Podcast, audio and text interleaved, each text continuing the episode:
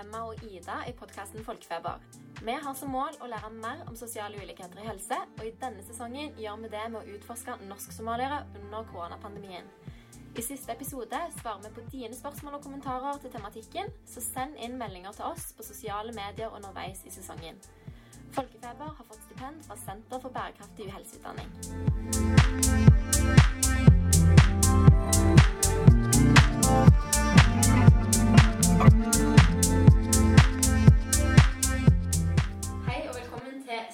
Siste episode av denne sesongen med Folkefeber. Nå sitter vi her alle sammen, eh, altså meg, Ida, Emma, Amanda og Sine, og vi gleder oss masse til å endelig få gå i dialog med dere om alt vi har hørt og lært i denne sesongen. Vi har fått inn noen kjempespennende spørsmål, så vi tenker vi bare hopper rett på sak og begynner med det første, og det er Hvorfor kunne ikke den somaliske koronatelefonen klare seg med midler til én eller to faste stillinger? Og da går jeg ut ifra at vi snakker om dette Pfizer sa, med at de søkte om en viss sum. Hun nevnte jo at det ble litt prinsippsak, men at når de ikke fikk den fulle summen, eh, så var det ingenting da som gikk. Ja, jeg kan, eh, ja, Emma, da. Jeg kan eh, begynne å svare på det. Ehm, Det er noe som kanskje har gått gjennom hele eh, sesongen. Dette med, med støtte til koronatelefonen. Både via kontakt fra det offentlige eh, med de frivillige, og i forhold til dette med å søke midler, og, og hvem, hvilke type organisasjoner får, får midler. Um, og hvor mye de søkte. Feita var jo innom at eh, var, altså de hadde behov for en viss sum, og når de fikk avslag, så var det en prinsippsak at de ikke eh, endret søknaden eller søkte om, om eh, mindre midler. Em, og spørsmålet er da eh, Er det mulig da å Burde man gå i dialog? Burde man si det her er såpass viktig at vi ønsker å få det til? Er det mulig å få til litt mindre i starten? Eller altså at man kanskje eh, strekker seg for å få til noe som helst? Eller er det bedre å si vi nå har jobbet frivillig uten å få betalt i så lang tid at dette handler om respekt for det arbeidet vi gjør, og for å få respekt for det, så er vi nødt til å få betalt, og for å få betalt så er det dyrt. Ehm, nå husker jeg ikke akkurat hvilket tall eller hvor mange stillinger, men jeg husker at det var jo flere enn én stilling. Men spørsmålet er på en måte Det kan jo hende logistisk med én person at det hadde vært vanskelig. Kanskje en stilling kunne integreres i koronatelefonen som allerede eksisterer. Det er mulig at en eh, dialog hadde ført til en eller annen løsning, men jeg skjønner veldig godt den følelsen at nå, nå har vi gjort dette i flere måneder ved siden av fulltidsjobb. Vi har stilt opp hver gang. Eh, ikke fått betalt noe som helst for det. Mens eh, veldig mange, sånn som oss, da, medisinstudenter, har jobbet i koronatelefonen og betalt, betalt for hver time. Så jeg skjønner veldig godt at de ønsker en behandling på lik linje. Eh, og jeg skjønner at det er ikke alltid man er villig til å eh, komme i kompromiss da, eh, når man er spurt om det man har behov for. Mm, og det virker jo heller ikke som at de de søkte om penger til, la opp til en dialog. De fikk jo nei på søknaden, og så var det vel fordi de, fikk, fordi de hadde søkt om for mye. Men det virket jo ikke som at de da foreslo Ja, men hvis vi gjør sånn og sånn, så kan dere søke igjen. Og jeg tenker også det er det du sier med at det, om, det er en prinsipp, prinsippsak, og det handler om respekt. Og hvis de hadde sagt ja da, til to stillinger, kanskje, så ville de jo da Altså, De hadde et kjempebra tilbud som var frivillig, og så hvis de fikk penger da, så måtte de da trappe, trappe ned og, og drive en koronatelefon som er dårligere enn det de har fått til tidligere, fordi de bare fikk til to stillinger. Jeg skjønner at det må være ekstremt demotiverende. altså Når du har et så bra tilbud oppe, og ikke, og ikke får nok støtte til å kunne holde det så bra, så skjønner jeg at det, at det kan være veldig kjipt, da. Og jeg er, helt, er jo helt enig med dere der, og jeg tenker jo særlig på dette som dere sier med at det, altså både Fayesa og en som har snakket med de har jo 100% stilling, de har barn, de har familier, og de har allerede liksom ofra all fritid på denne saken. Og jeg tenker sånn, Da virker jo, virker jo saken enormt viktig. Og så tenker jeg på det du så vidt nevnte med at er saken viktigere eh, på en måte til at man vil gå i kompromiss for å få til at koronatelefonen opprettholdes. Og så tenker jeg også, sånn, Hadde man gått i samtale, hvis de hadde vært åpne for det, de om donerer penger, kunne man integrert kanskje en somalsk for eksempel, da, i, eller en somalsk talende i den koronatelefonen som allerede eksisterer, der vi bl.a. får betalt for å jobbe, kunne det være en stilling som ble integrert i andre allerede eksisterende løsninger. Men da hadde det blitt fragmentert igjen, det som fantes. Men jeg bare tenker sånn Er saken viktigere? Mm. Ja, fordi det var noen som tok opp det at er det i det hele tatt nødvendig at man har en norsk-somalisk eh, koronatelefon når, når det relativt er en koronatelefon.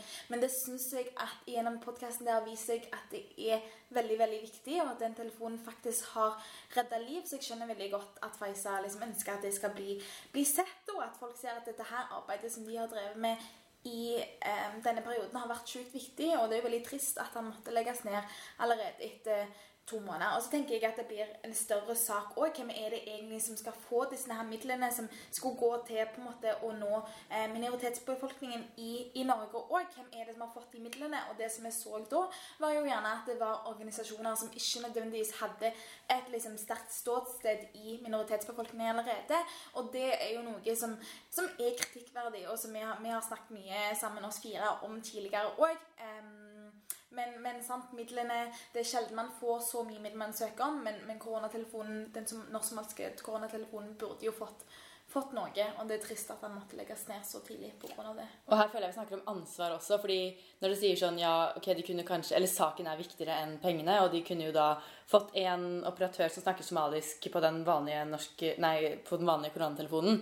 Men det handler også om ansvar også. Er det, er det da de som driver koronatelefonen, som da ikke fikk penger, som da skal kjempe fram at det blir en somalisktalende i koronatelefonen? Eller er, det de som, eller er det det offentlige eller de som ikke gir dem støtte, som sier nei, dere får ikke støtte, men vi skal legge til rette for dette, dette, dette? Så det virker som, eller sånn Fra Faisa sin side og fra koronatelefonen sin side så virker det som at det virker som at de blir fratatt det ansvaret. Eller det virker som at de, når de ikke får penger, så er jo det en slags beskjed om at, om at det offentlige ikke vil at de skal ha ansvaret eh, om, å, om, å, tilby norsk-somaliere en koronatelefon, og at de kanskje heller Ja, da burde jo de offentlige tatt over det ansvaret selv, da, som de ikke har gjort. Um, ja, for det er jo noe med altså, Hvor mye ansvar skal frivilligheten ha? da? Hvor mye skal man måtte gi? For det er jo grenser for hva, for hva hvert menneske klarer. Men så tenker jeg også litt sånn hvor langt vi klarer å bøye oss i, i den vanlige helsetjenesten og utenfor krisetid. Hvis jeg ønsker en kvinnelig gynekolog for eksempel, på et legekontor, så er det ingen tvil om at jeg skal få det. Og det handler jo om å liksom føle seg sett og føle seg trygg i den man prater med. Og Ibrahim nevnte jo bl.a. at uh, i første episode at han syntes det var veldig vanskelig å gå til fastlegen fordi at han opplevde at han sjøl altså ble oppfatta som lat eller liksom usunn. Noe han sjøl kanskje ikke så på seg som. At man, at man møter en del fordommer. da, At de kanskje også hadde en egen trygghet i det å møte en ikke-fragmentert koronatelefon. da, At det ligger noe der med, med hva man møter i forhold til at man hadde delt det opp. Men det er jo veldig vanskelig å si, og det er jo begrensa midler. Ja. Og jeg bare som kanskje litt større kritikk når man sier at noe skal være altså Marianne Borgen var innom dette at Oslo er så stolt av å ha så mye midler til frivilligheten. Og det kom en artikkel litt usikker om det The Economist, men det var i hvert fall en artikkel om frivillighet i USA, eller NGO-sektoren. da. Og det, blitt, det, er en av de eh, raskest Eh, voksne sektorer som, er, eh, som, har veldig lav lønn av alle sektorer, om man sammenligner. Eh, og på mange artiklene argumenterte for at det skaper mer fattigdom enn det egentlig løser da, ved å betale frivillige så dårlig. Fordi det ender opp med å være full, fulltidsstillinger, eller jobben til noen, selv om det er en frivillig organisasjon. om du skjønner. så ved at det offentlige satser på frivillige, lurer jeg litt på om er fordi det er billigere. Mm. Fordi folk er villige til å gjøre akkurat det samme fordi de brenner for det, og ikke få arbeidsrettighetene som de egentlig burde få. Ja, for det er jo dette som er viktig. altså Hvis man ikke får inn en som brenner for det i disse stillingene, så blir det jo ikke gjort skikkelig. og Dette kommer jo litt tilbake til et uh, senere spørsmål, vil jeg tro. Men, uh, men, særlig her så viser det jo litt at det her med Aya nevner det jo så vidt, det kan vi snakke om senere, men dette her med å ha at det, det snakkes mye om at norskmålere må ha tillit til myndighetene, men myndighetene må jo også ha tillit til minoritetene. Og det du nevnte, Sine, med at de blant annet eh, Altså det var mange store organisasjoner, store etablerte norske organisasjoner, som fikk masse midler, men det var veldig få eh, minoritetsdrevne organisasjoner da som fikk midler. Og da tenker jeg jo litt sånn, De har jo allerede demonstrert at de som kjenner gruppen som er hardest ramma, gjør den beste jobben for å hjelpe dem. De forstår måten man skal utøve liksom, god omsorg for denne spesifikke gruppen. da. Og da kan man jo sette spørsmålstegn med hvor mye tillit myndighetene faktisk har til det, til og med etter at det har blitt bekrefta, og om dette egentlig hadde resultert i en mye mer engasjert og mye bedre helsetjeneste. Mm det har vært mye fokus på kommunikasjon, at det har vært et av hovedproblemene. Eh, og koronatelefonen er jo en av de initiativene som virkelig går på det, at en skal kommunisere ut til den norsk-somaliske befolkningen. Og eh, Ayan og Faisa hadde WhatsApp-grupper, der var videoer, liksom, der, var så mye. Og så blir det liksom Altså, hvorfor er ikke på en måte pengene eh, lagt der munnen til politikerne er 'put your money where your mouth is', på en måte. Fordi at eh, hvis det var på en måte fokuset, hvis det var det viktigste, at vi må få denne kommunikasjonen ut, så burde pengene òg gå den veien. Og det syns jeg ikke de har gjort her. Mm. Nei, og vi kan jo fortsette å diskutere dette i evigheter, men jeg tenker jo at eh, et spørsmål som gjerne går litt inn i dette, som jeg har fått inn, som er ganske direkte, som vi kan gå videre til nå, er eh, hva tenker dere om at Irene Teslo fremmer en stigmatiserende og eh, udokumentert forklaring på norsk-somalieres eh, overrepresentasjon i smittestatistikken? Og da sikter vi jo til en av de siste episodene, og dette er jo kanskje et litt kontroversielt spørsmål, men et veldig viktig et, syns jeg. Mm. Hun er jo eh, bydelsoverlegen, så vi valgte å snakke med henne fordi hun jobber såpass tett med befolkningsgruppen vi var interessert i. og ja, jeg reagerte også, eller satt med en følelse etter den samtalen, og jeg klarte ikke helt å sette finger på akkurat hva det var hun hadde sagt som, som fikk meg til å føle no, noe som ikke var helt bra. Men hun var jo innom flere forklaringer i forhold til um, altså oppførselen til uh, ulike grupper innad i den somaliske befolkningen. Uh, menn som var på kafeer, og, og hvordan uh, somaliere er så omsorgsfulle. Det sa hun veldig mange ganger, da, og, skulle passe på hverandre. og Um, og så snakket hun i tillegg om at somaliere ofte, oftere spiser med hender, så der, der kan det komme smitte. Og jeg tror nok, jeg fikk en følelse av at det var gode intensjoner bak det hun sa, men det har, når man snakker på den måten, et litt sånn uh, nedlatende preg, da, som, som jeg syns kan Det kan være vanskelig å håndtere eller vite hvordan man skal sette finger på. Fordi man eh, Hun snakker jo veldig mye ut ifra egne måte, tolkninger og tanker. Eller i hvert fall, det kan jo hende hun hadde noe forskning bak det hun sa, men hun trakk i hvert fall ikke det frem. Um, og det gjør det litt vanskelig for meg når vi sitter de, de tallene og den statistikken vi sitter på, argumenterer veldig hardt for at dette har med strukturelle årsaker å gjøre, som, som vi har snakket en del om. Og det er statistikk fra FHI fra de siste par årene, så det vet vi stemmer. Og da lurer jeg på fra hennes altså, Når man skal komme med sånne påstander i en sånn rolle som er såpass viktig, da Det er veldig mange som tenker at det er hun som er eksperten på akkurat dette. Når hun da begynner å snakke om å, å spise med hendene, f.eks. Ehm, hvor er, det, hvor er det det kommer fra? Er det en forklaring som kommer fra noe kvalitativ forskning som jeg ikke vet om? Det tror jeg, eller sånn, jeg vet ikke, det kan jo alltid hende, men jeg tror jeg har sett eh, mye av det som gjelder norskmalere nå. Eller er det at hun tenker at i forhold til denne gruppen så er det bedre å komme med en eh, litt fordomsfull eh, løsning enn å være ærlig på at hun ikke vet? Altså Det får meg til å tenke på episoden med Fredrik Solvang også når du snakker om meg. fordi de snakker om synsing og fakta, og vi spurte han jo om det. Er, hvor viktig er det å skille mellom synsing og fakta i denne saken? Og vi hadde følt om vi leste nyhetsartikler litt at det gikk litt over i hverandre. Og jeg tror han sa akkurat at uh, fagfolk synser over en lav sko, eller noe sånt. Og at veldig mange fagfolk, det de gjør, er å synse. Og det virket på han som om man må nesten synse, fordi man vet jo ikke svaret, og man skal ha en debatt, og det må komme noen meninger. Og så fagfolk, eller sånn som Teslo, bydelsoverlegen, er kanskje en av de man tror er egnet til å synse, da. Um, men det er, jo, det er, jo, vanskelig å forholde seg til. Og når man har en samtale med noen som har en tittel og en, en, viss status, og når de synser, så er det veldig vanskelig å si imot. Jeg merket da jeg hørte på den episoden, så tenkte jeg aldri sånn Og der burde, eh, burde de vært eh, krassere og svart Teslo og sagt et eller annet. Men fordi det er jo Det virker så sant når fagfolk synser. Ja, for det er jo nettopp det som blir så skummelt. Det er så enormt mye tillit i den stillingen. Og da tenker jeg jo gang på den kronikken vi ga ut i Morgenbladet forrige uke. Eh, så har jo Trond Steen gått ut og sagt noe ganske kontroversielt. Og så tror man jo på det med en gang, og man har lyst til å tro på det fordi det er en enkel løsning på problemet. Og du har en fagperson med mye tillit og på en måte trygghet i ryggen da, som sier det. Eh, men det er jo ekstra skummelt når disse menneskene i disse helt sentrale stillingene for altså for å skulle kunne inkludere hele samfunnet, da, velger å liksom ja, bortfeie deler av samfunnet som blir hardere ramma, og bortforklare dette for altså, Og rett og slett da ikke ta ansvar for disse gruppene òg. Jeg skulle bare inn på det Tore Steen, som er smittevernoverlegen smittevernsoverlegen i Oslo. Eh, det han sa, var at eh, Nå kan jeg ikke si det ordrett, men han sa at pga. kulturen, altså somalisk kultur, så kan det hende at for den gruppen at det var vanskelig å forstå smittevernreglene.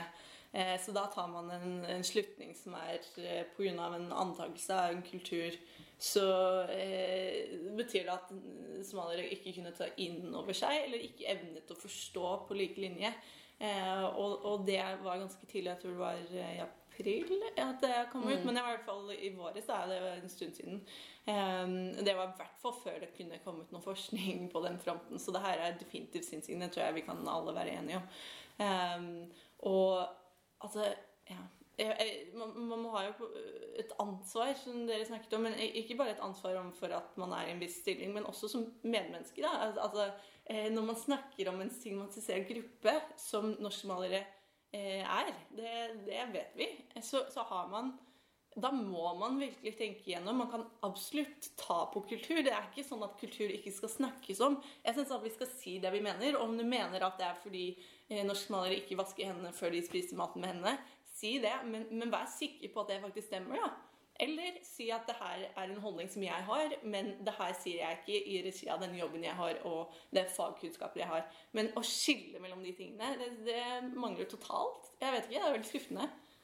Ja, nei, jeg er helt enig med Og det, det som du nevner her på slutten, at da, kultur altså vi, vi, prøver ikke å si at kultur på en måte ikke har noen ting med smittespredningen i det ganske landet å gjøre. For det har det nok helt sikkert. Men, men, men vi har ikke god kunnskap på hva som er kultur, og hva som ikke er kultur. Eh, og selvfølgelig vil kultur være knytta eh, inn i mange forskjellige ting. Men, men eh, å skille mellom sosioøkonomi og kultur tror jeg er et ekstremt viktig skille som veldig, veldig, veldig sjelden blir eh, ja, fokusert på da i media og blant eksperter. og på en måte, eh, Det blir kanskje fokusert på, men det er vanskelig å skille det. Men vi må allikevel kunne snakke om det, selv om vi ikke har konkret forskning på det. Og da eh, er det viktig, i hvert fall man vet at når somaliere allerede er en stigmatisert gruppe, at en ikke hiver ut påstander som, som ikke har dokument dokumentasjon, eh, eller som man på en måte ikke har noen bakgrunn da, for å si eh, på den måten.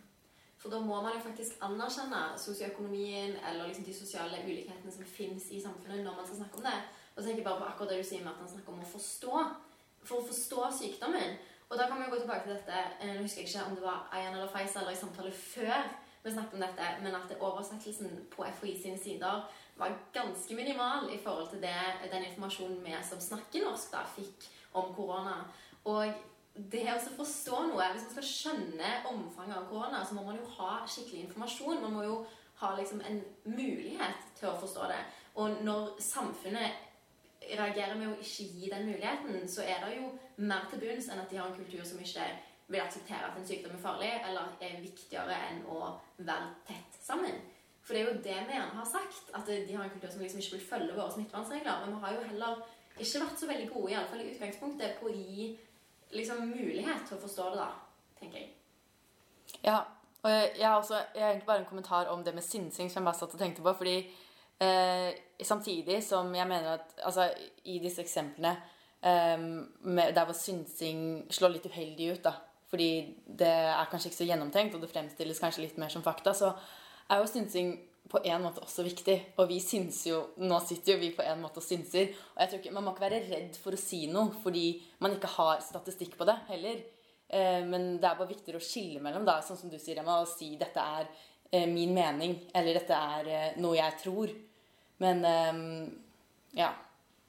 Ja, og så bare liksom være litt bevisst rollen sin og hva den rollen bærer med seg. Vi snakket mm. om det med Ayan. At det er forskjell på å være privatpersonen Ayan og på å være legen. Man har en helt annen tillit når man tar på seg den frakken, eller når man går ut i media som bydelsoverlege eller ja, smittevernsoverlege og dette her. Og da må man være bevisst på hva man legger fram. Og altså, i vår situasjon òg, da. At vi er bevisst på at det vi sier nå, dette her er tanker og refleksjoner vi har etter episodene. Dette er ikke mm. på en måte mer fakta, det heller. Men man må være tydelig på det, da. Mm. Og jeg tror vi har opplevd gjennom de ulike intervjuene at f.eks. Marianne Borgen er så dreven på å snakke for seg at hun gjør det på en helt annen måte enn Irene Teslo eller Camilla Stoltenberg har jo stått i debatten mange ganger, hatt lignende spørsmål, tatt dem imot og svart godt for seg. Så det er noe med um, at det kanskje på lokalt nivå da, i, i Oslo, de legene som sitter i folkehelsestillingene, eh, kanskje de eh, Kanskje det må være Jeg vet ikke om det er opplæringen går på, eller at man bare ikke er dreven på det, men man merker virkelig en forskjell i hvordan man snakker om disse temaene. Og det, det tenker jeg fra min side er en viktig del av den rollen de har tredd inn i. Da. Et ansvar om å dele informasjon. Og det er jo de som først blir ringt. Så da burde man kanskje få noe hjelp, eller noe på en måte rammeverk rundt seg, eller rett og slett stille hardere krav til de som skal inn i disse stillingene, at det her er viktig at du har et forhold til. Og jeg tenker at Nå som vi snakker om hvordan vi skal snakke om ting, så er det jo på et godt punkt å gå videre til neste spørsmål. Og Det er et litt mer overordna spørsmål som vi har fått inn. og Det går på helsedeterminanter og sosial ulikhet. Og Dette er jo noen ganske store begreper, men som spørsmålet her sier at det virker som vi unngår å snakke om, eller iallfall de vi snakker med, unngår å bruke. Eh, og at man gjerne bruker trangboddhet istedenfor sosial ulikhet. Og så lurer jeg litt på hvorfor. Hva, hvorfor er dette skummelt? Det er jo store begreper. Det tenker jeg. Så det er jo kanskje ikke så rart at det er en del som unngår å bruke dem, men jeg tenker det er desto viktigere at vi faktisk gjør det. Fordi vi må kalle ei spade for ei spade hvis en på en måte skal kunne, kunne gjøre noe gjør, gjør, en forskjell, da. Um, og det, det, at en da bare snakker om trangboddhet, gjør at en kanskje mister litt av det å liksom se på det litt større bildet. At hvis vi kaller det eh, sosiale ulikheter til helse eller sosiale helsedeterminanter istedenfor trangbodd, så på en måte ser vi at det er et mønster her, og at det ikke bare er et enkeltting. Det er ikke bare at en bor trangt, men det er, er, et større bilde her som vi, mister hvis vi, hvis vi kun snakker om trangbodd, eller kun snakker om yrke, eller kun snakker om ja, hva som helst, egentlig. Og problemet blir jo mye større når man snakker om sosial ulikhet istedenfor trangboddhet. Og det er jo også mye mye vanskeligere å løse, som du var inne på, Sine. Og når man snakker om sosial ulikhet, så kan man jo trekke inn bærekraftsmålene og Altså, det er så Det er så Ikke abstrakt, men sånn uhåndgripelig, på en måte. Eh, så jeg skjønner jo at det er for politikere som har et mandat, og de sitter i fire år, og de kan ikke få til all verdens ting, så er det det er, så, det er så vanskelig å skulle snakke om de altså de store, store, prosessene som sosial ulikhet. Så jeg skjønner jo på den måten at det er en fordel kanskje å ikke, ikke bruke de ordene. Men samtidig så skyver man jo man skyver jo fra seg et visst ansvar ved å, ved å bare snakke om disse enkeltkonkrete konsekvensene da, av sosial ulikhet. Og så blir det jo kanskje mer da å prøve å håndtere symptomene av sosial ulikhet, men aldri ta hånd om det virkelig Altså roten av problemet. Um, ja. Mm. Jeg opplevde kanskje heller at det var de som ikke var politikere, men heller var leger, som kviet seg mer. Eller jeg opplevde at Og nå er Marianne Borgen fra SV, som er et parti som er veldig åpen om eh, klasseskille og sosial ulikhet, men eh, også Camilla Stoltenberg, som sitter da tettere på i hvert fall nasjonale politikere. Jeg følte at hun var mer på det enn f.eks. Irene Teslo. Og da lurer jeg på Er det fordi eh, altså Sosial helsedeterminanter det, det her er byggestein i folkehelse. Det er ikke noe vi har funnet på.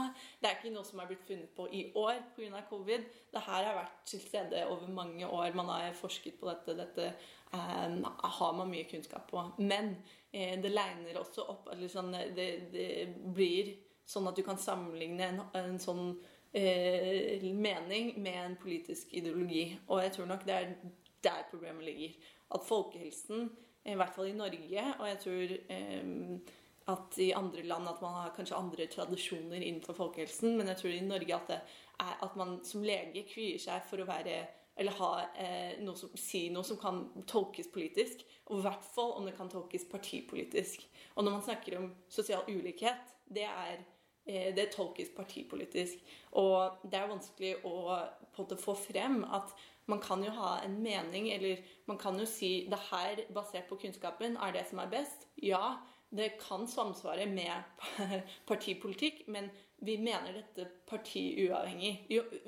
Hvilket som helst parti, om de innfører dette, da støtter, vi, da støtter vi, på en måte at det innføres, ikke partiet i seg selv. Så man kan ha en måte en politisk holdning som ikke trenger å være eh, partiavhengig. Men jeg tror jeg ikke komme godt nok frem, eller at det kanskje ikke er noe vi snakker så mye om i medisinutdanningen. Og jeg føler at leger kanskje i Norge at det er en tanke om at man, man ikke skal ha en mening. Eller at man på en måte heller eh, skal være den på en måte upartisk, uavhengige, eh, kun snakke om akkurat det vi vet som er helse. Det er det eneste vi får lov å mene noe om. Og det syns jeg er veldig synd, i hvert fall innenfor folkehelse, som er nødt til å være litt politisk for å få til noe som helst. Ja, for man kan jo ikke si at helse er uavhengig av noe av dette andre. Alt spiller jo veldig inn i hverandre.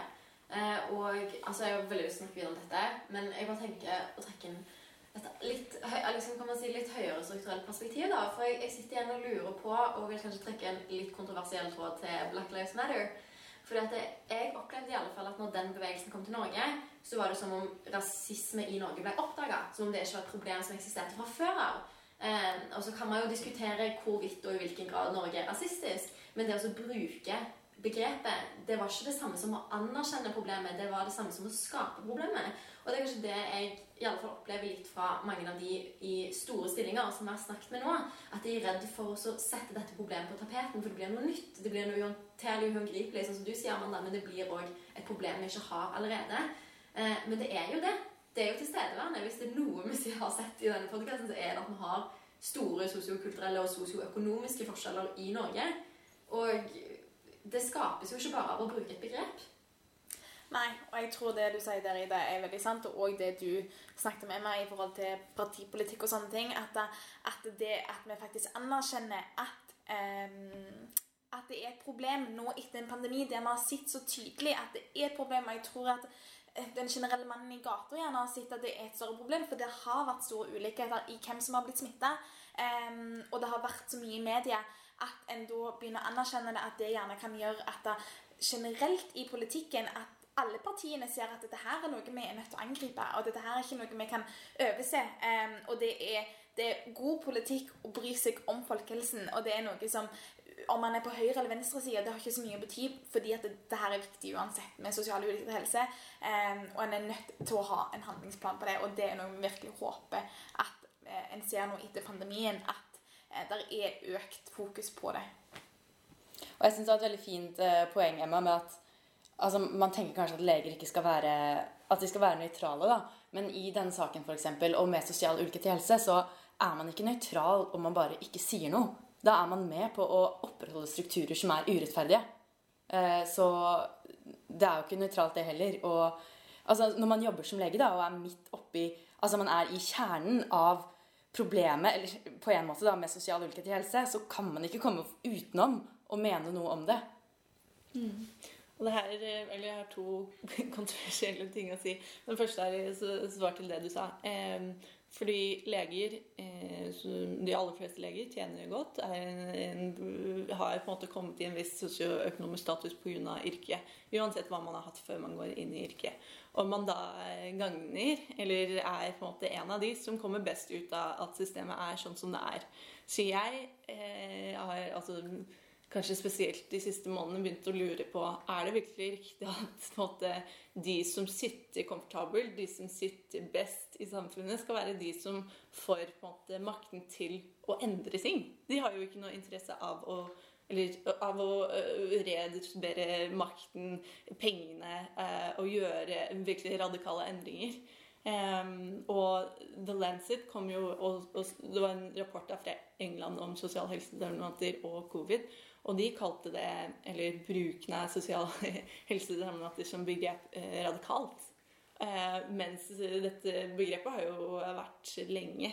Eh, men jeg tror nok altså Det er noen miljøer, f.eks. i USA, som jeg vil påstå, litt i forhold til Black Lives Matter, da, er, ligger litt foran oss. da, Som er villige til å snakke om rasisme i helsevesenet, som er villig til å snakke om det de kaller reparations, som er hvordan kan man gjøre opp for den historiske traumaen man har utsatt ulike marginaliserte grupper. Um, og er villig til å si vi har spilt en rolle i dette. Vi som leger, vi gagner av dette systemet, og vi ser det, og vi er ærlige om det. Vi ser som på en måte fire jenter som lager denne podkasten, at vi ikke er levd i disse situasjoner. Men vi ønsker å ta tak i det, vi ønsker å snakke om det, og det må snakkes om. Vi må på en måte komme dit, og man må nesten være litt mer brutal i ordbruken. Man må jo si rasisme, man må jo si klasseskille. Man må på en måte eh, være litt mer åpen.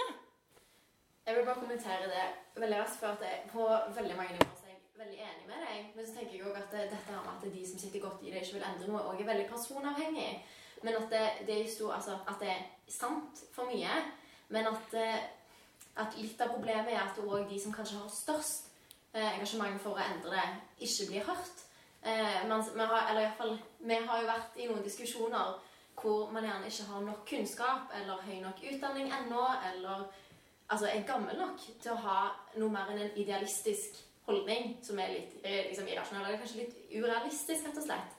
Og jeg tenker jo at det, det, er veldig mange i alle deler av samfunnet som er både fornøyde og rasende, eh, og som har lyst til å endre, men at et, et, viktig poeng der er at, det, at man kanskje bare må sikre at alle delene av samfunnet har en verdifull stemme som blir hørt.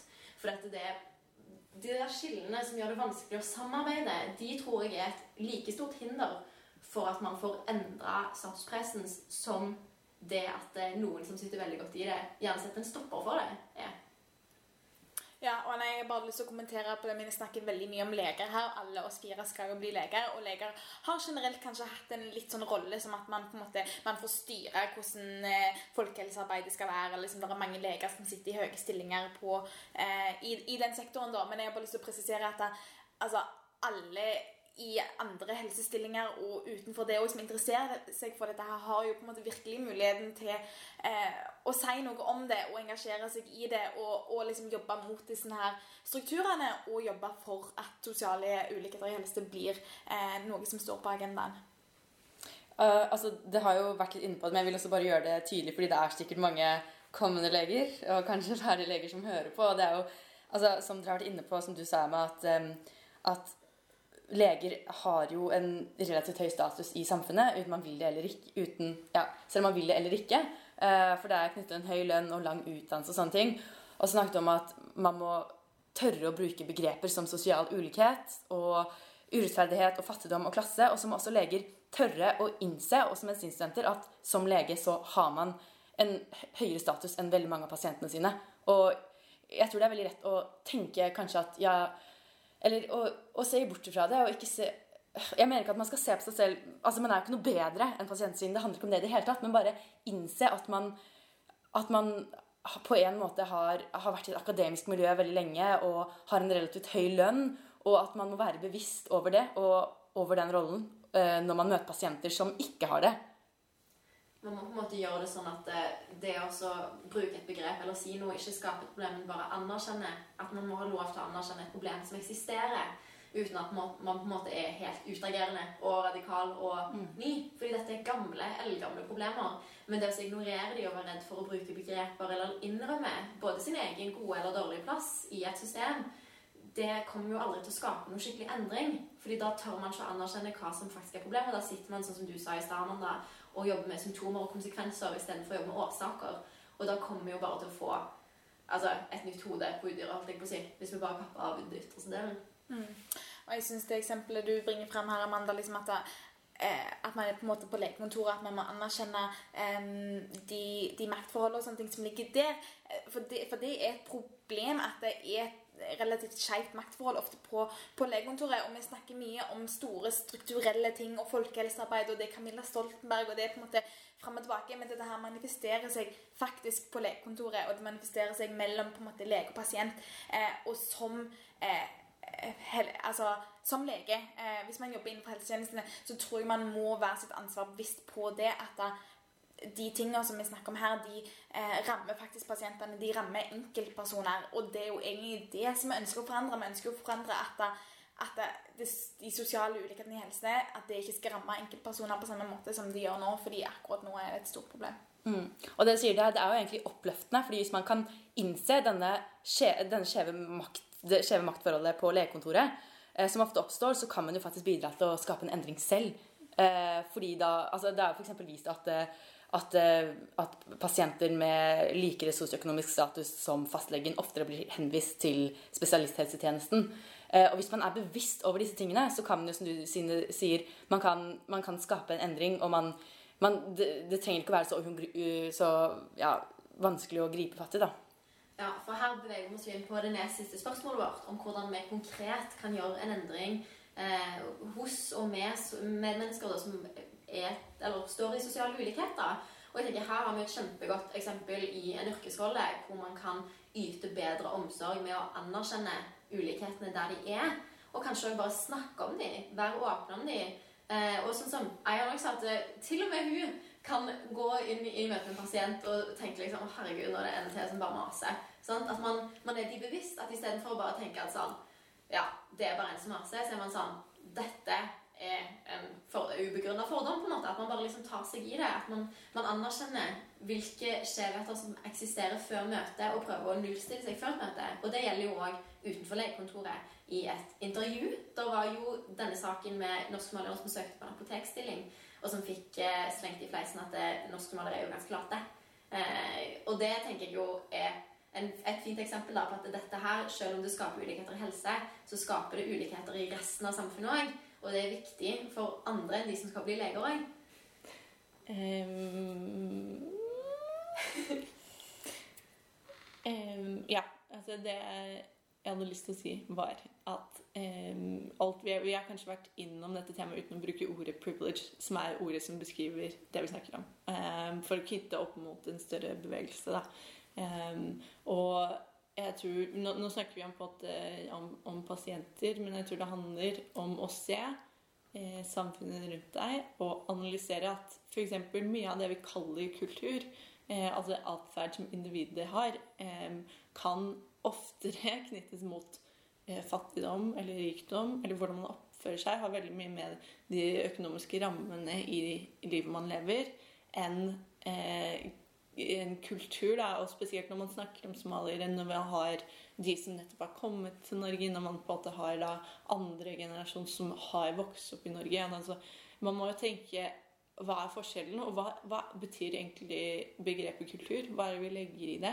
Um, og hvordan, hva er vår egen kultur? Altså, hva, vi, hvor mye av hvordan jeg oppfører meg, er kultur. Eh, og hvor mye av det er hvor mye penger jeg har på konto, og hvem jeg har i mitt liv. Og at jeg går på universitetet, eller at jeg skal inn i en viss yrke. Og jeg vil på en måte for meg selv påstå at mye mer av eh, min hverdag er bestemt av de faktorene enn eh, at jeg f.eks. har en far fra USA. Altså, um, og, og, være litt bevisst på det. Og jeg tror det kan spille inn på hva man selv kan gjøre. fordi man ser jo gjennom denne podkasten at vi har klart å intervjue veldig mange av toppfigurene i akkurat hva vi var interessert i. Og vi hadde jo ikke noe, eller sånn, vi sendte jo bare en e-post. Mm. Så man kan jo egentlig i Norge Det er det, er det som er så fint, er at man, er, man kan Uansett hvilke, hvilke, yrkesvalg du har tatt, eller hvor du, hvor du, sitter i landet, så har du anledning til å ringe. Altså, Nummeret til ordførerkontoret står på nett. Jeg ringte bare og var sånn Hei, nå, når, når, kan vi ha et møte med Marianne Borgen? ikke sant? Eller når kan jeg kontakte eller den personen du trenger? da? Og finne ut av hvem som sitter med makten, og bare, bare gjør det. Eller sånn, Jeg tror man gjør det veldig komplisert. Men vi, vi, bor i et land hvor man kan få tak i de aller fleste.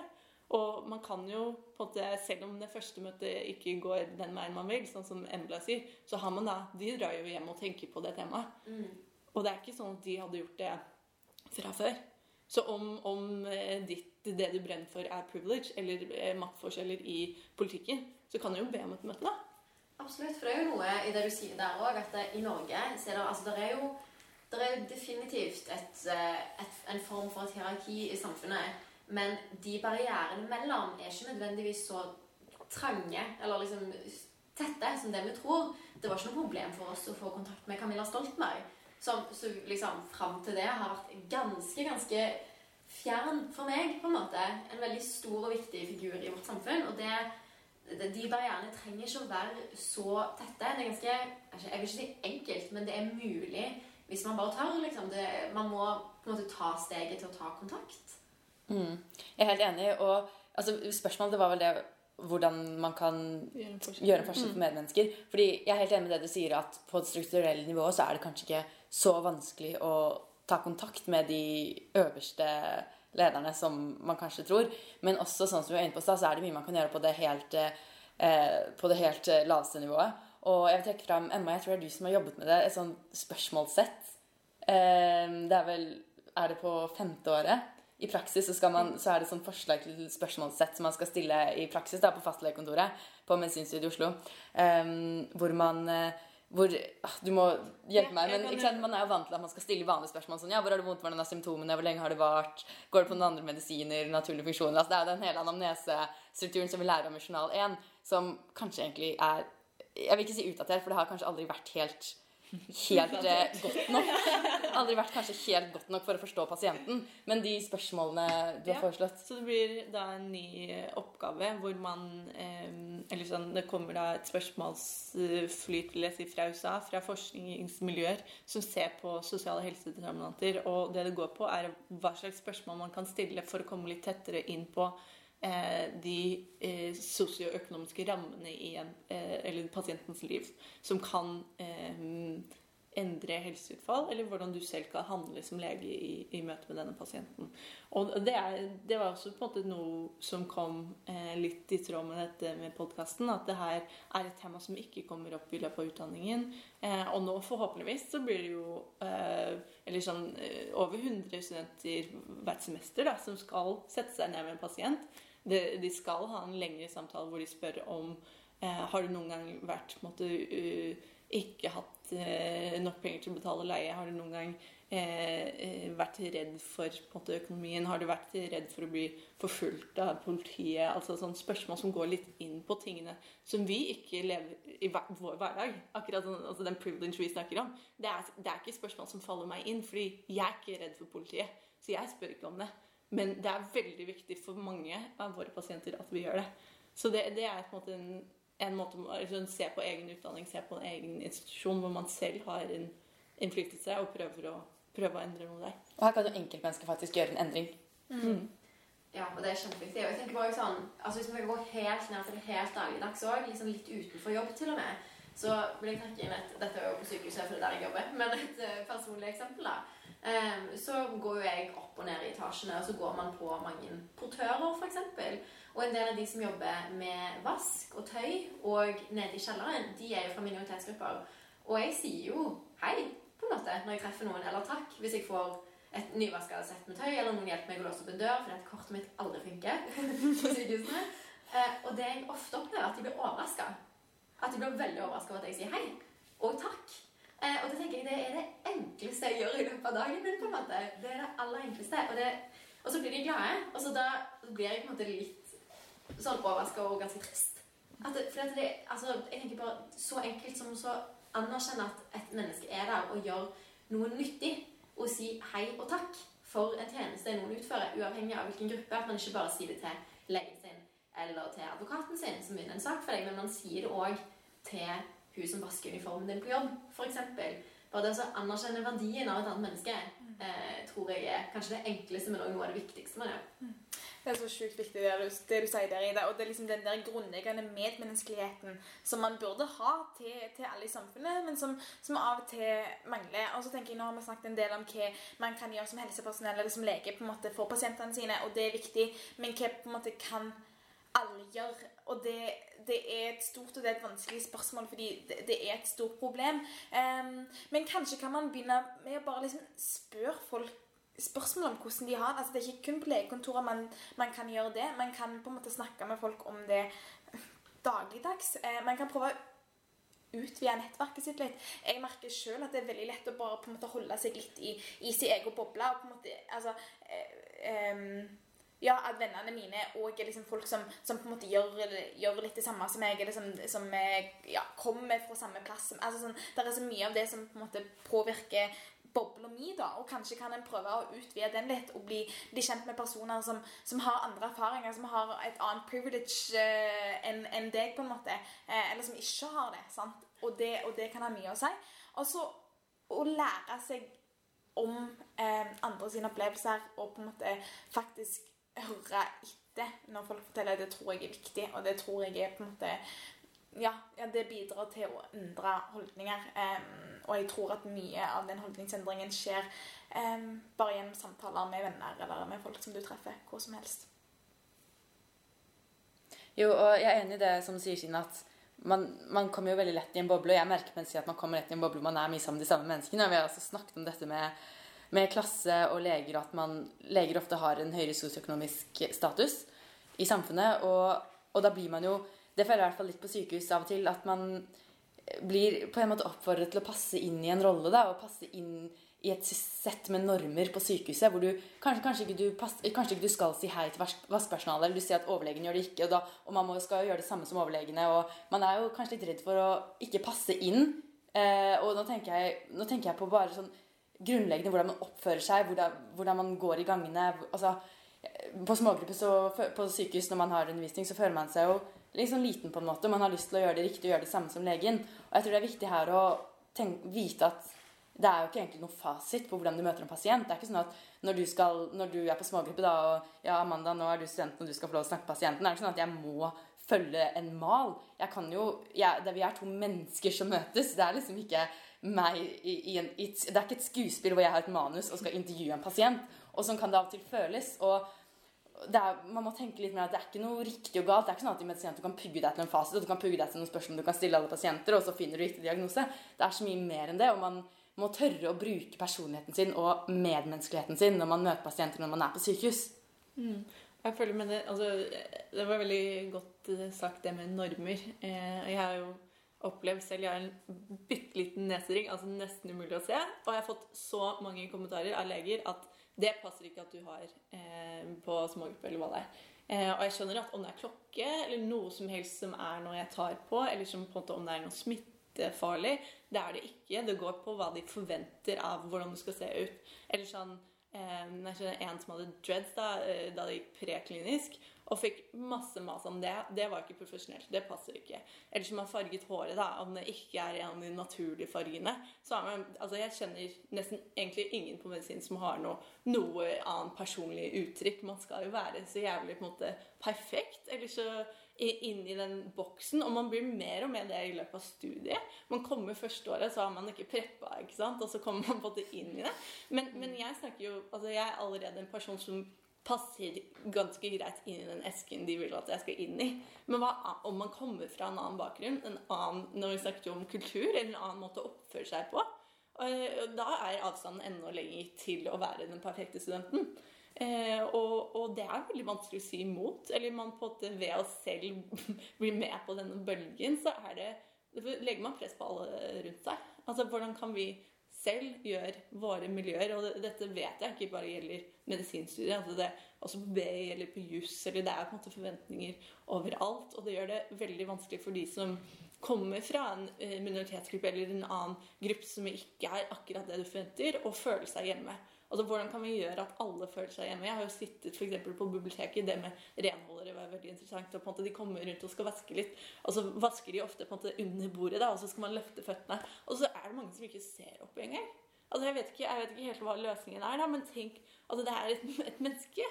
Men bare fordi de ser annerledes ut enn deg.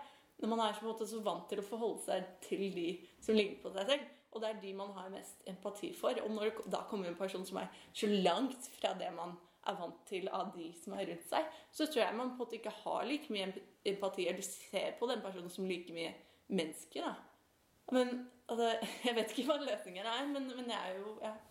ja, for det er, jo, altså, det er jo mange måter å, angripe det du opplever der på. Så tenker jeg liksom uh, Dette skal jeg ikke si for sterkt, for jeg husker ikke hvor jeg har lest det. Men jeg, jeg, har, jeg syns å huske at jeg har lest at hvis man sjøl er brunette, f.eks., så vil man på en rekke bilder av damer synes at brunetten er vakrest. Altså Man liker best ting som ligner på seg sjøl. Og det ser vi jo òg nå i magasiner med ulike typer eh, samfunnsgrupper, eller der man endelig liksom har fått en modell med Downs syndrom på forsiden av Vogue, tror jeg det var. Nå husker jeg ikke. Men dette med å kunne se seg sjøl igjen i noe gjør at man liksom trives mye bedre og liker mye bedre har mye mer forståelse. Så det kan jo være noe litt sånn biologisk på en måte som man må være litt obs på. Eller bare liksom anerkjenne at fins. Men også dette her normene i møte med andre som du sier. Eh, fordi at det, man blir jo ofte litt sånn eh, opptatt holdt jeg på å si, til at visse typer mennesker er farlige eller skumle, og de skal holde seg litt unna. Eh, og jeg vet ikke hvilket program dette var, om det var Petter Uteligger eller hva det var. men det er noe av det fineste og kanskje tristeste eh, jeg har hørt. Og det er dette med uteliggere for eksempel, og tiggere, eh, særlig i Oslo, som syns at, eh, at det verste med situasjonen er at folk ikke ser på dem når de går forbi. De smiler seg, de sier ikke hei, og de ser rett fram. Det er som om du ikke eksisterer. Og det er noe med å måte, trosse denne her normen, eller bare iallfall anerkjenne at han er der, og så se på mennesket, møte blikket. Og at uavhengig av hva normen er, så er et veldig viktig første steg da, å anerkjenne at den fins. At han er der, kanskje litt uavhengig av årsak. Vi kan jo ikke endre eh, det som har vært, på en måte. Men vi kan anerkjenne at det har skjedd, og anerkjenne at vi ønsker å endre det. Og så kan vi trosse normene og iallfall være så bevisst på det at man òg er bevisst i møte med de gruppene man kanskje har en litt feil holdning til. Og hvordan vil dette bidra til eh, mindre sosial ulikhet i helse? Ja, altså jeg tenker Nå, nå har vi snakket om mye forskjellig. men Jeg har snakket om lege-pasient-møte. Men eh, jeg har snakket om hvordan man kanskje eh, altså formes i en yrkesrolle gjennom utdanning. Hva slags rolle det kan spille i hvordan man ser på andre. Eh, og, og, mye om på en måte hva man selv kan gjøre i, sin, altså i hverdagen. Men jeg er litt redd for at man eh, ved å se på en måte Ved å ønske å gjøre ting eh, mulig å ta tak i, eller sånn enkle, finne enkle løsninger, så Um, unngår man å si at det, det, handler rett og slett om fattigdom. Altså det med uteliggere, det med um, renholdere, det med Altså alt vi har snakket om, kan egentlig trekkes tilbake til, uh, til lønn, til eh, formue, til arveskatt Altså vi, vi, vi, unngår kanskje litt de temaene, eller ikke bevisst, da, men for å gjøre det eh, Altså noe man kan tigge, noe man kan faktisk gjøre. men det er ting i hverdagen man kan faktisk gjøre mer strukturelt. Og det er ikke sånn at pga. at det er strukturelt, så kan man ikke gjøre noe med det. Altså Dere kan jo bli med i eh, eh, lokalpartiet, altså hva det skulle ha vært. da, KrF Oslo, eh, SV Oslo, Rødt Oslo, Frp Oslo altså, de, de, Eller i bydelen. Eller at, at man kan jo eh, på, på, lokalt nivå eh, gjøre strukturelle politiske endringer mm. som individ. At Det trenger ikke bare være mellom to mennesker. Mm. Jeg syns det konkluderte det godt. Jeg, det man kan gjøre mye. Man kan gjøre det på eh, helt lokalt nivå, man kan gjøre det mellom mennesker, men man kan engasjere seg generelt. Det tror jeg er viktig. Mm. Jeg tenker litt sånn, Det er mange som kan synes at dette er veldig store og altså, teoretisk oppsnakkede begreper. Men eh, for å demonstrere viktigheten av det, da, så tenker jeg at dette er kanskje ikke alle som vet. Jeg ble veldig overrasket da jeg hørte det. Men det er faktisk tolv års forskjell i forventa levetid mellom Oslo vest og Oslo øst. Mm. Det er ikke veldig stor avstand mellom disse to bydelene. Og det ikke, burde ikke vært så stor forskjell på folk. Og det kommer ikke bare av biologi. Det går på masse økonomi i forhold til at man kanskje må ha to-tre jobber istedenfor én, og fortsatt stresse med om man får nok penger til mat, nok penger til husleie. Det går på strøk med dårligere luft pga. mye mer trafikk i forhold til kanskje en rikere bydel som har råd til å leie inn en advokat, sånn at du bare får en motorvei gjennom den bydelen i forhold til en som har tre, da, og ikke har kapasitet eller råd til det mellom naboene. Eh, det er masse strukturelle ting som spiller inn, og veldig mange særlig økonomiske årsaker da, som skaper veldig mye av helsen vår. Eh, og sånn for å understreke at det vi snakker om, det, det spiller seg ut konkret i vår egen by. Det er ikke bare abstrakt, men det er viktig. Og en konkret ting man da kan gjøre som lege eller medisinstemt knyttet til dette, er jo altså Man kan jo være et slags talerør for disse pasientene som har helseproblemer som konsekvens av sosial ulikhet. Eh, fordi har, som lege, når man har møtt disse pasientene, har man på, måte, eh, på en måte bevis og man har en autoritet til å si ifra om at eh, det kreves endring. Og bruke rollen sin og, ja.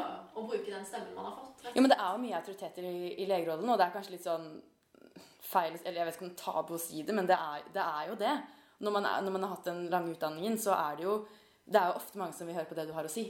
Mm. Ja. Og så er det sånn at vi ofte ser på helsefaget som ganske atskilt, men alt av politikk rammer helse. Mm. Man kan alltid trekke det inn, og, og man burde kanskje oftere trekke det inn i de kliniske møtene. Ja, helt enig.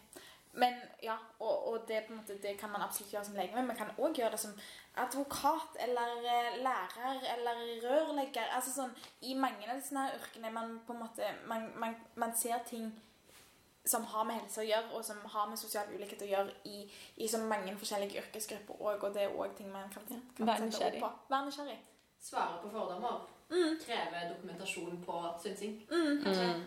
Sitter man som lærer i tredje klasse på en eller annen skole um, og ser at her, her er det noen som på en måte hele tida er syk, og så vær litt, Vær litt nysgjerrig på det. på en måte, Hva, hva er det som gjør det? Men jeg, jeg tror at det er så mange, mange yrkesgrupper som på en måte ser så mye da, eh, som er sjukt viktig for, for helse, og jeg tror man kan gjøre så mye i, i de møtene der òg. Mm. Det konkluderer vel egentlig første sesong av Folkefeber. Ja. Skal vi prate litt om hva vi sitter igjen med helt til slutt i dag? Det kan vi gjøre. Noen som har lyst til å starte? Ja, jeg kan begynne med at altså, vi gikk inn i dette pga. en felles interesse for samfunnsmedisin. Og jeg har kanskje, kanskje blitt skuffet da, av norsk samfunnsmedisin. Og, og ikke nødvendigvis individer, men eh, altså at, at, når vi stiller spørsmål om, om, et tema som vi vet er godt etablert i kunnskap over lengre tid, så, så er det ofte ikke det Altså, vi må på det grave litt da, for å få snakke om det. Og det er noe man ønsker å unngå. Og det det er kanskje, kanskje lite stolthet i faget. Altså, det er, vi merker på medisinstudiet at det er ikke noe det er egentlig veldig lite kult da, å være interessert i folkehelse. At det, det man skal bli kirurg, og om man ikke har lyst til det, så skal man i hvert fall ikke få noe hjelp til å finne ut av hva man skal ellers. Så jeg ønsker et løft. da. Jeg ønsker at folkehelsen og hvor viktig det er, ikke bare i eh, pandemien, men alltid hvor viktig det er, og hvor kult det kan være, og hvor på en måte egentlig hvor mye makt og hvor mye forskjell man kan gjøre i en sånn stilling. Og at jeg ønsker å se engasjerte eh, leger som jobber med folkehelse. Jeg ønsker at de skal være på forsiden av avisene. Jeg ønsker at de skal brenne for det de holder på med. Og jeg ønsker at de skal engasjere medisinstudenter. Jeg blir også veldig, veldig, motivert av å jobbe med folkefeber i forlengelse av det du sier, Emma. fordi altså, vi har jo, Jeg føler absolutt at folk har villet høre på oss. Camilla Stoltenberg har hatt lyst til å snakke med oss og høre med oss. fordi det er ikke så mange som snakker om disse temaene, om sosial ulikhet i helse og samfunnsmedisin. Så det betyr jo virkelig at hvis man vil, så kan man faktisk være en, en, av de viktigste stemmene på dette feltet. Fordi det er ikke så mange som snakker om det fra før. Og det er jo veldig motiverende å høre på en måte. Mm. Mm. Åh, det er mye jeg sitter igjen med, altså. Fy søren. Eh, det har vært mange interessante samtaler og mange forskjellige ulike perspektiver. Jeg tror kanskje at jeg sitter litt igjen med at fy søren så mye det er vi ikke vet om minoriteter og helse og på en måte Um, så, som pandemien Kanskje har det vært en litt positiv effekt da, for å snakke om det av pandemien. Det har ført med seg så mye dritt, men det har kanskje ført med seg et økt fokus på, på dette her som vi snakker om nå. Og jeg bare håper virkelig at det er noe som blir dratt inn i politikken og blir dratt med videre. da, At vi kan fokusere på det, og vi kan forske på det, og vi kan på en måte se mer på um, hva er det som gjør at det er en tolv års forskjell i forventa levealder mellom Oslo øst og Oslo vest, på en måte. Vi trenger kunnskap om det, og vi trenger å, å gå på det. Og um, ja, der samtalene belyst at, at det er behov for økt kunnskap. Um, og det er vi nødt til å jobbe for i framtida. Og så hjelper det at folk engasjerer seg generelt. Mm. Ja, det er kanskje det mest betryggende av alt at man ser tydelig at det hjelper å engasjere seg. Det nytter på en måte. Det føles ikke så håpløst. Og så tenker jeg som du sier, at Pandemien har belyst veldig at sosiale ulikheter fins. Men den har òg vært med på å kaste lys på eh, Eller rocka med de, da. Eh, de samfunnskritiske jobbene våre når, eh, når, samfunnet stengte, det var jo de som jobber på Rema og i transport og ditt og datt. Det var jo plutselig ikke en finans- eller aksjespekulator eller ditt og datt. Det har jo rokka veldig med det systemet vi er vant til, og det syns jeg veldig fint. Så tror jeg kanskje noe av utover det dere har sagt nå, da, som jeg er veldig enig i, at noe av det største jeg sitter igjen med òg, er Altså mangelen på Nå har jo vi kritisert bruken av kommunikasjon, men mangelen av kommunikasjon med, med den, og samarbeid da, med den gruppen man ønsker å gi omsorg. Altså dette her med, Jeg er veldig opptatt av dette med helhetlig og, og liksom begrepet omsorg, da, hva det egentlig er. Og eh, bare sånn som vi har gjort under pandemien, da, at vi har forsøkt å hjelpe ulike grupper eh, uten å snakke med dem, uten å høre hva det er de vet er nyttig for å nå deres gruppe eller for å hjelpe dem på en skikkelig måte. Og det har på en måte også vært litt godt, for jeg var litt redd når vi begynte med denne. At vi skulle liksom komme som fire hvite jenter og bare være sånn Nå skal vi takle eh, sosiale ulikheter for grupper som vi ikke har noe med å gjøre, på en måte. Men bare det å starte den samtalen mellom på en måte både Folkehelseinstituttet og media og pasienten og legen som starter den samla samtalen. At det, at det samarbeidet da, på tvers av fag, på tvers av samfunnsrolle og gruppe, har, eh, har vist seg å være nyttig og viktig da, for å skape god helse. Mm.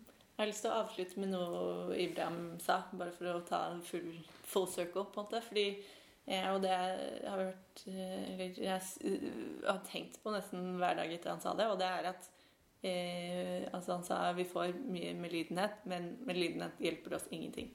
Eh, de trenger eh, ekte både politisk endring og endring i helsevesenet for å få bedre muligheter.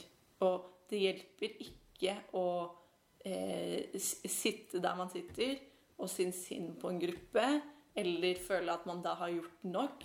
Man er nødt til å jobbe for reell endring om man eh, Om man eh, kan på en måte vet ikke, se eh, Vi snakket jo om, om medmennesker. Om man ønsker å se medmennesker i øynene og, og si jeg respekterer deg like mye som jeg respekterer meg selv, om det er reelt, så kan man ikke sitte med samfunnet sånn som det er i dag.